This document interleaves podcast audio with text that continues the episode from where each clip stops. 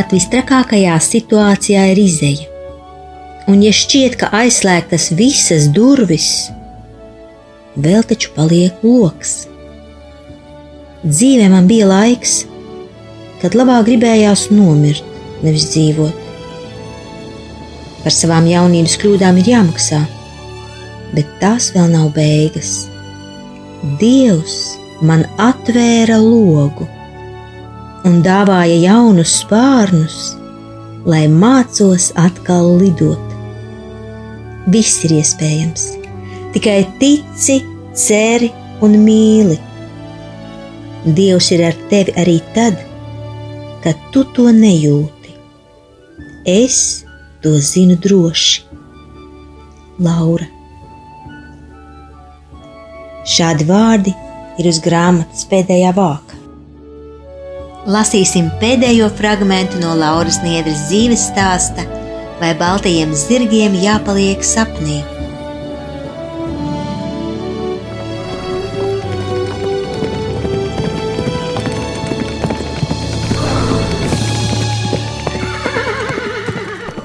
Ir pienācis rudens. Elīze cēli iesoļo pirmajā klasē un sagaida arī savu dzimšanas dienu ar draudzenēm, bet bez lielā brāļa. Rītdienas, krāsainas kā kļavu lapas, un Lauras sirdī uzvirmo neredzēti spēcīgas ilgas pēc drauga, pēc īstā, vienīgā un patiesā drauga. No spēcīgajām ilgām meitenes domās pat sāk raisīties vārsmas kas pašas ērti sarindojas uz papīra. Sen tā nav bijis. Ir atvasara rudenī, un dīvains nemieris sirdī, cik vientulības sakrājies, tā tagad mani tirdī, ar rokām skauju mākoņus, pie stumbra vaigu glaužu, uz brīdi acis aizvaru un sārtus sapņus aužu. Krīt vējā lapa, ieķeras tā manos matos garos, un pāri galvai kliegdami trauc putni milzu baros. Es vienu lapu paņemu un noglāstu gar vaigu. Pirms vējā tālāk palaižu, tai dodu skūpstu maigu krīt peļķē, lapu princis mans, vēl viļņi apkārt lēkā. Kur īstais princis, patiesais? Šķiet, gaidīt vairs nav spēka. Tu, Marija, tev mātes sirds, tu mani saprast vari. No debesīm jau paskaties, cik vakari man gari bet mīlestības rokas aug. Tik vējš caur pirkstiem skrien, viss paliek kluss, tik sirds vēl pukst, un sapņu jūrā brien.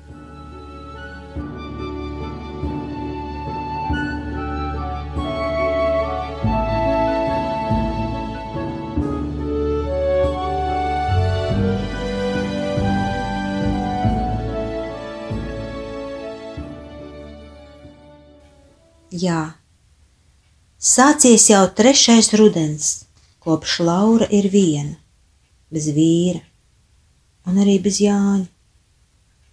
Šajā rudenī ilgas pēc mīlestības brīžiem kā smagi viļņi traucas cauri meitenes vientuļajai sirdī.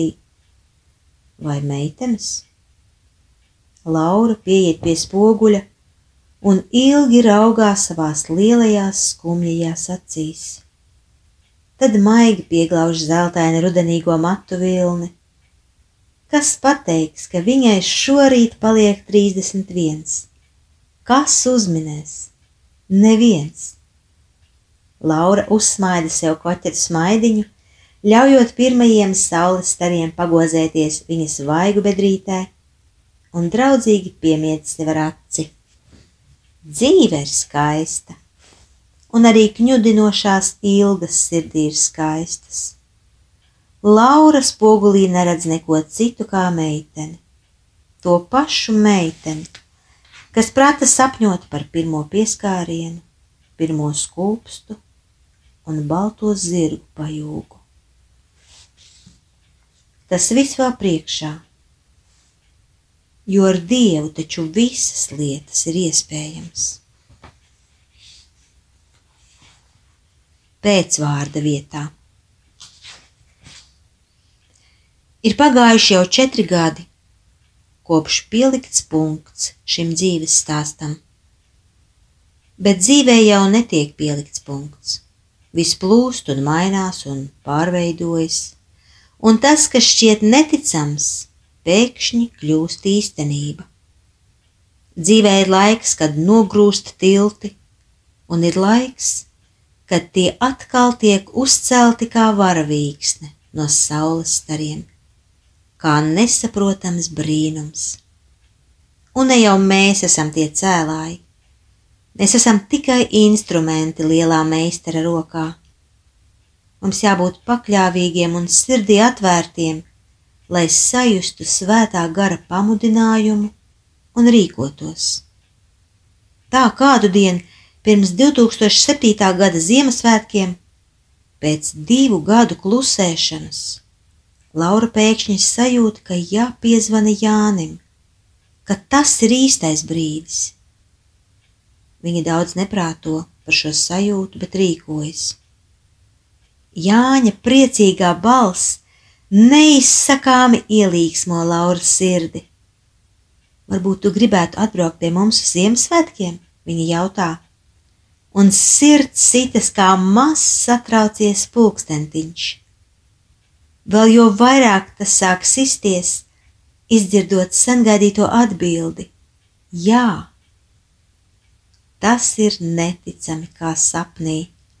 Viņi visi ir atkal kopā, un eglītē mirgo sveču liesmas, un sirdī gavilē prieks tarantuls ir prom, visi tarantuli ir prom, un acīs atmirdz tikai sveču gaišās uguntiņas.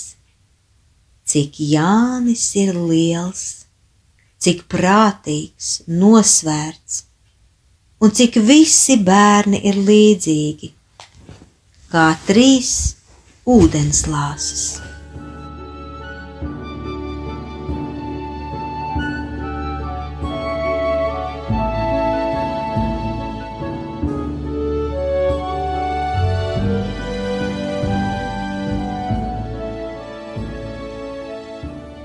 Jāņa rokās dus dāvana, koka rožu kronis.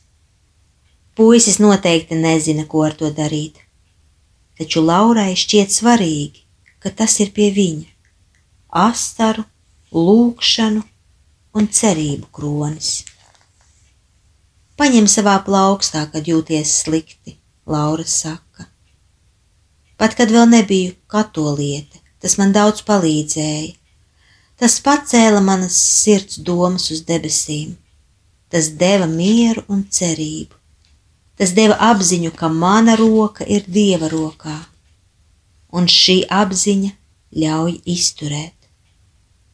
Jānis skatās uz rožu kroni un smaida. Viņa smaids ir tik silts, tik skaists, tik mīļš, Tas piepilda Lauras sirdi līdz pašiem dziļumiem. Gatim atņēma tēva tiesības, viņš pēkšņi saka. Es tagad skaitos bārenis un varu braukāt visos transportos bez maksas. Kad man būs 18 gadu, valsts man dos dzīvokli. Vai tu pie Inetes jūties labi? Laura jautā. Jā, man ir sava istaba un mēs visi dzīvojam kā brāļi un māsas. Ar mani rēķinās kā ar savējo, es tur esmu savējais. Kad ciemošanās beidzas, Laurai paliek siltas atmiņas par kopīgi pavadīto laiku un čupiņa Ziemassvētku fotografiju, kuras viņa itin bieži pārcilā un apskata. Tagad Laura zina, ka tilts pamazām top no jauna ka Jānis nav pazudis no viņu dzīves. ar katru zvanu, ar katru sarunu, ar katru apciemojumu, jaunajā gaismas tiltā tiek ievīts kāds mazs saules stars, un Laurai ir svarīgi šo tiltu būvēt un būvēt. Kādu dienu, kad Jānis ir atkal ciemos, viņš paziņo kaut ko negaidītu. Es dzīvokļa vietā izvēlējos adopciju, izvēlējos ģimeni. Ineta mani adoptēs. Pirmajā mirklī tas Laurai šķiet kā zibens spēriens no skaidrām debesīm. Tagad, kad Jānim tūlīt jau būs 18 gadu, viņš vēlas, lai viņu adoptē. Taču Jānis ir izlēmis. Viņš vēlas būt šīs ģimenes loceklis. Viņš būs šo bērnu brālis uz mūžiem. Viņš būs Inetas īstais dēls, un arī uzvārds viņam būs cits. Sākumā Laurai to ir grūti pieņemt. Viņa gan priecājas, ka Jānim ir īsta ģimene, taču kaut kāda klusa smeldze uzspēlda sirds virspusē. Bet jāpieņem. Nevienmēr ir viegli pieņemt dzīves dāvātos pārsteigumus. Laura to mācās, mācās katrā dzīves dienā, katrā mirklī. Viņa vēlētos kā Marija, droši un paļāvīgi uz negaidītiem dzīves pavērsieniem atbildēt: Fiat, lai notiek!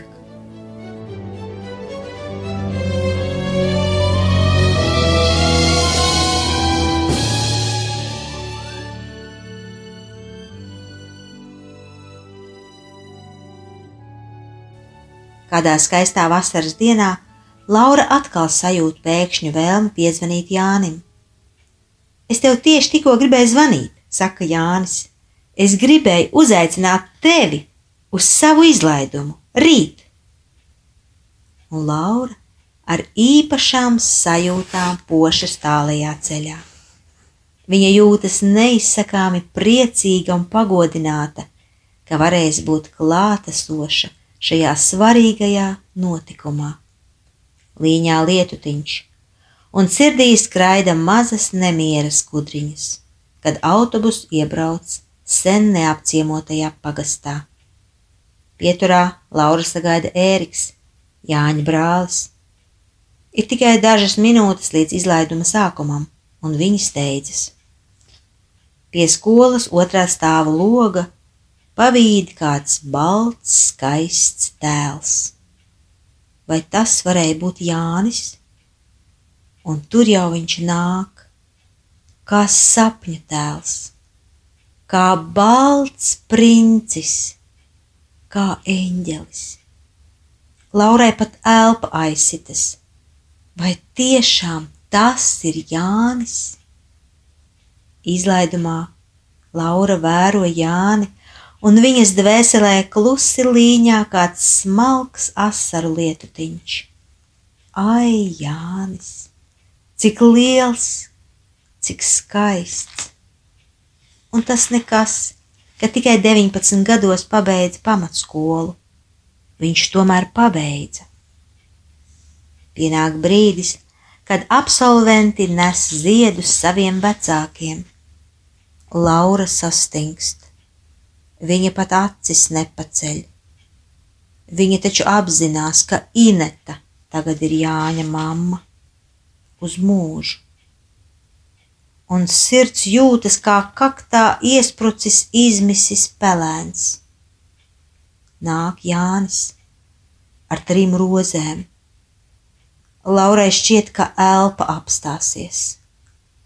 Nē, viņa necerēs ne uz ko rozes taču ir tikai trīs, un priekšā sēž Ineta.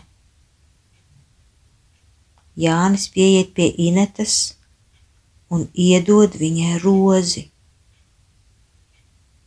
Tad viņš tuvojas Laurai. Viņa pat nesaprot, vai ir tiesīga saņemt šo rozi, vai ir tiesīga paskatīties uz augšu dvēseli šķiet kāds pārplēsīs pušu. Un te tā ir roze, Lauras miklajās plaukstās, un Jāņa buča uz vaiga.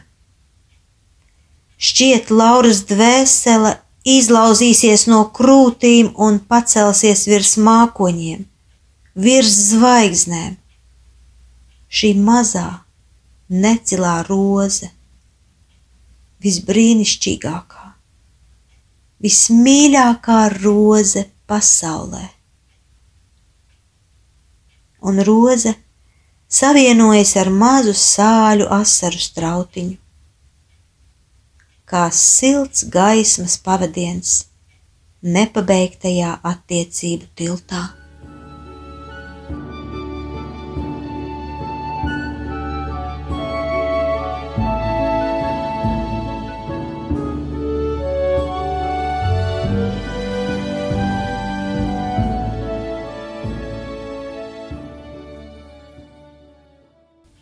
Pēc izlaiduma paredzēts mīlestības Jāņa mājās.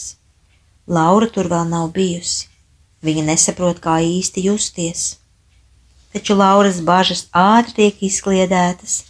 Vēl jau vairāk viņa iemīl šos cilvēkus ar katru piekopīgā galda pavadīto minūti. Vispirms jau mammu Inetu, kas Laurai šķiet kā brīnums, kā rožu krūms pilnbriedā, kā miera osta, kā ģimenes dvēseli un arī visus brāļus un māsas ar visiem viņu kašķīšiem un niķīšiem, tik ģimeniskā, vienkāršā, patiesā, arī joku un asprātību pilnā ģimenē Laura sen nav bijusi. Viņas sirds vienkārši gavilē par Jāņa laimi, par Jāņa ģimeni, par to, kā Dievs no ļaunuma un grūtībām var izveidot labumu un prieku. Šī ģimene paliek dziļi Lauras sirdī, kā maza siltuma saliņa lauku viducī.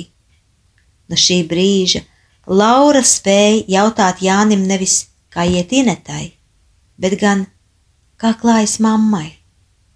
Un šo vārdu izrunājot, Lauras sirdī nav ne mazākā sarūktinājuma, ne mazāko skumju. Kādu dienu Laura saņem no Inetas īziņu, man Dievs ir dāvājis tik jauku dēlu, Jāni. Par to, ka Jānis ir tik jauks, man jāpasakās jums.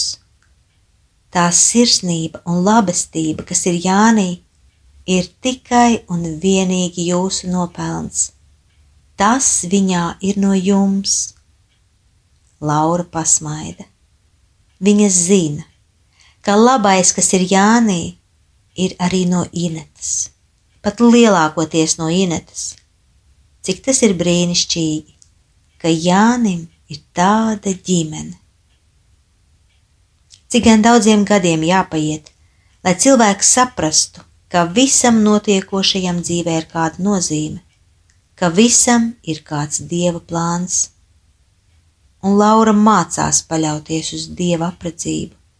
Tomēr uznāk brīži, kad atgriežas bailes pazaudēt savus bērnus, jo draudi ir reāli.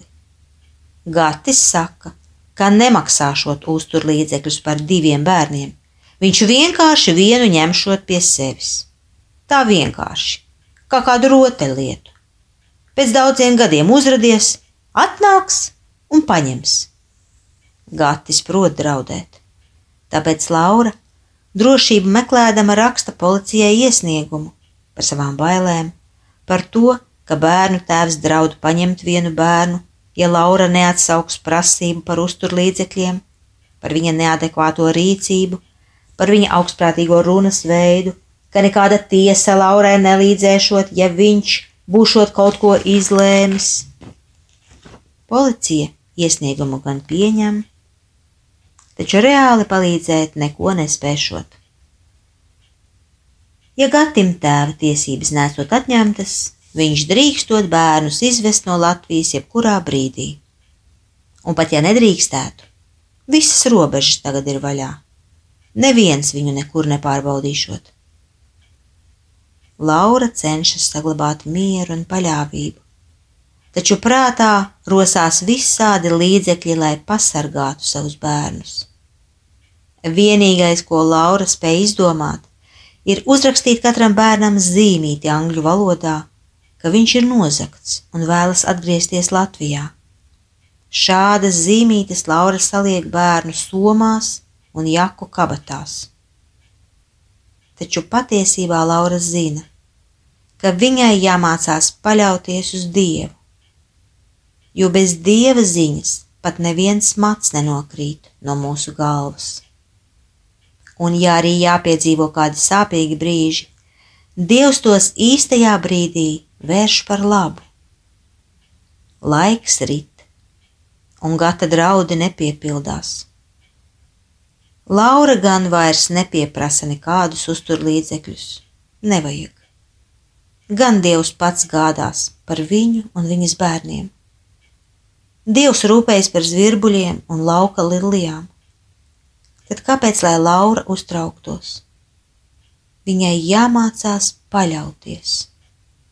Viss, kas dzīvē notiks, viņai un viņas bērniem nāks par labu, jo Dievs savus bērnus nepamet nekad, pat ja mums šķiet savādāk, pat ja viss dzīvē iet uz leju, pat ja nolaižas rokas un līst asaru traumas. Dievs visu īstajā brīdī vērš par labu. Palēnām pazūd angļu valodā rakstītās zīmītes no bērnu kabatām. Palēnām pazūd bailes un dzimst paļāvība. Dievs ir visvarens. Viņš zina, kam jānotiek un kā visu vērst par labu. Viņš zina. Viņš taču gruvešu vietā būvēja jaunus tiltus no saules stariem. Tas bija pēdējais fragments no Lauras Niedras dzīves stāsta, lai baltajiem zirgiem jāpaliek sapnī.